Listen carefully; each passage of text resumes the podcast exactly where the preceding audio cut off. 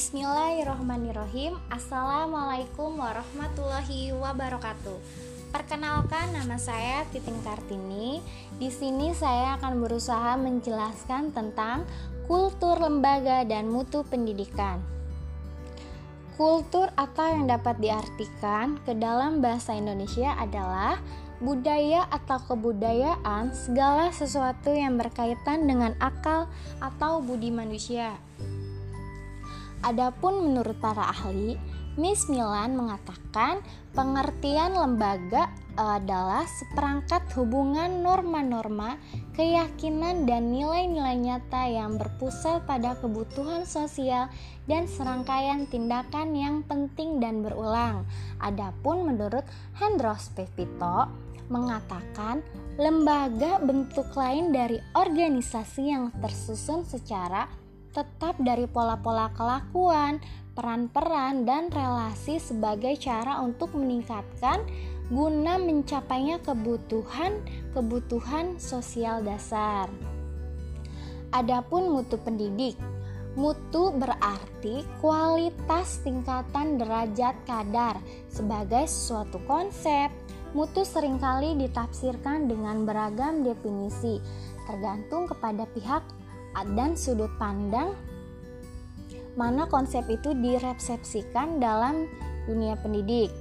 Dua pertanyaan pokok penting yang dikemukakan, apa yang dihasilkan dan siapa yang memakai pendidikan. Sedangkan mutu pendidikan adalah kemampuan sistem pendidikan baik dari segi pengelolaan maupun dari segi proses pendidikan itu tersendiri diarahkan secara efektif untuk meningkatkan nilai tambah dari faktor-faktor input. Contohnya, besarnya kelas kelas sekolah, guru, buku pelajaran, situasi belajar, dan kurikulum, manajemen sekolah, keluarga agar menghasilkan output setinggi-tingginya. E, mutu dalam kamus bahasa Indonesia e, artinya ukuran baik buruk sesuatu benda, kadar tak kadar atau derajat kepandaian, kecerdasan, kualitas berarti mutu sama e, halnya dengan memiliki kualitas dan bobot. Pendidikan yang bermutu pada dasarnya menghasilkan sumber daya manusia yang bermutu pula. Sumber daya manusia yang bermutu itu dipupuk sebagai uh, sesuai dengan perkembangan potensi peserta didik, menajahkan pendidikan dasar, menengah maupun pendidikan tinggi. Adapun lima faktor mempengaruhi mutu pendidikan. Faktor pertama, faktor tujuan, faktor siswa, faktor pendidik, faktor alat, faktor lingkungan masyarakat. Adapun faktor tujuan, apa sih faktor tujuan? Tujuan untuk meningkatkan mutu pendidikan sekolah senantiasa harus berpegang pada tujuan sehingga mampu menghasilkan output yang berkualitas dengan adanya perencanaan seperti e, dapat disimpulkan bahwa faktor utama harus dijadikan e, pendoman dalam melaksanakan pendidikan nasional, internasional maupun tujuan yang lain yang lebih sempit. Uh, adapun faktor siswa, faktor siswa itu anak didik atau siswa merupakan objek dari pendidikan.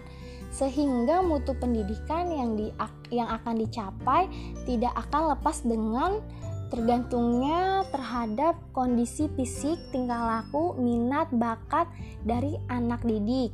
Adapun faktor guru yang biasa di, ini dipanggil tuh pendidik ya guru. Guru tuh merupakan soal satu faktor e, penentuan dalam upaya meningkatkan mutu pendidikan.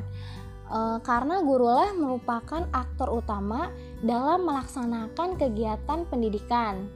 Ada juga faktor alat. Faktor alat itu e, merupakan masalah yang esensial dalam pendidikan karena itu perlu dilakukan upaya menyediakan alat-alat tersebut yang dikategorikan alat pendidik adalah e, sesuatu yang dapat memenuhi e, pencapaian tujuan pendidik yang bersarana, prasarana, dan kurikulum.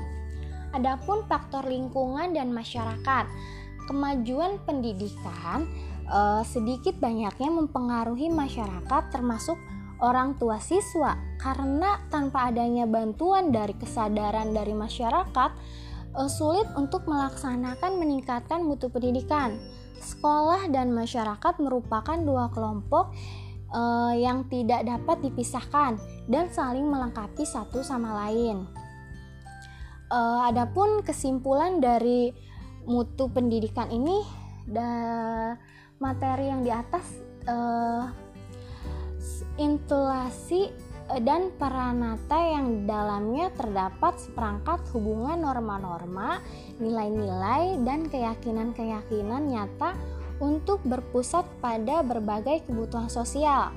Seringkali tindakan itu penting dan berulang. Dalam pendidikan yang bermutu, pada dasarnya menghasilkan sumber daya manusia yang bermutu pula sumber daya manusia yang bermutu dipupuk sebagai dengan perkembangan potensi serta didik semenjak pendidikan dasar, pendidikan mendasar, pendidikan menengah maupun pendidikan tinggi. Dalam melaksanakan pendidikan di suatu lembaga pendidikan tidak lepas dari lima faktor yang tadi saya jelaskan. Faktor pendidik, yaitu faktor tujuan, faktor pendidik, faktor siswa, faktor alat, dan faktor lingkungan masyarakat. Mungkin itu saja yang dapat saya sampaikan. Kurang lebihnya mohon maaf karena saya masih belajar. Uh, terima kasih. Assalamualaikum warahmatullahi wabarakatuh.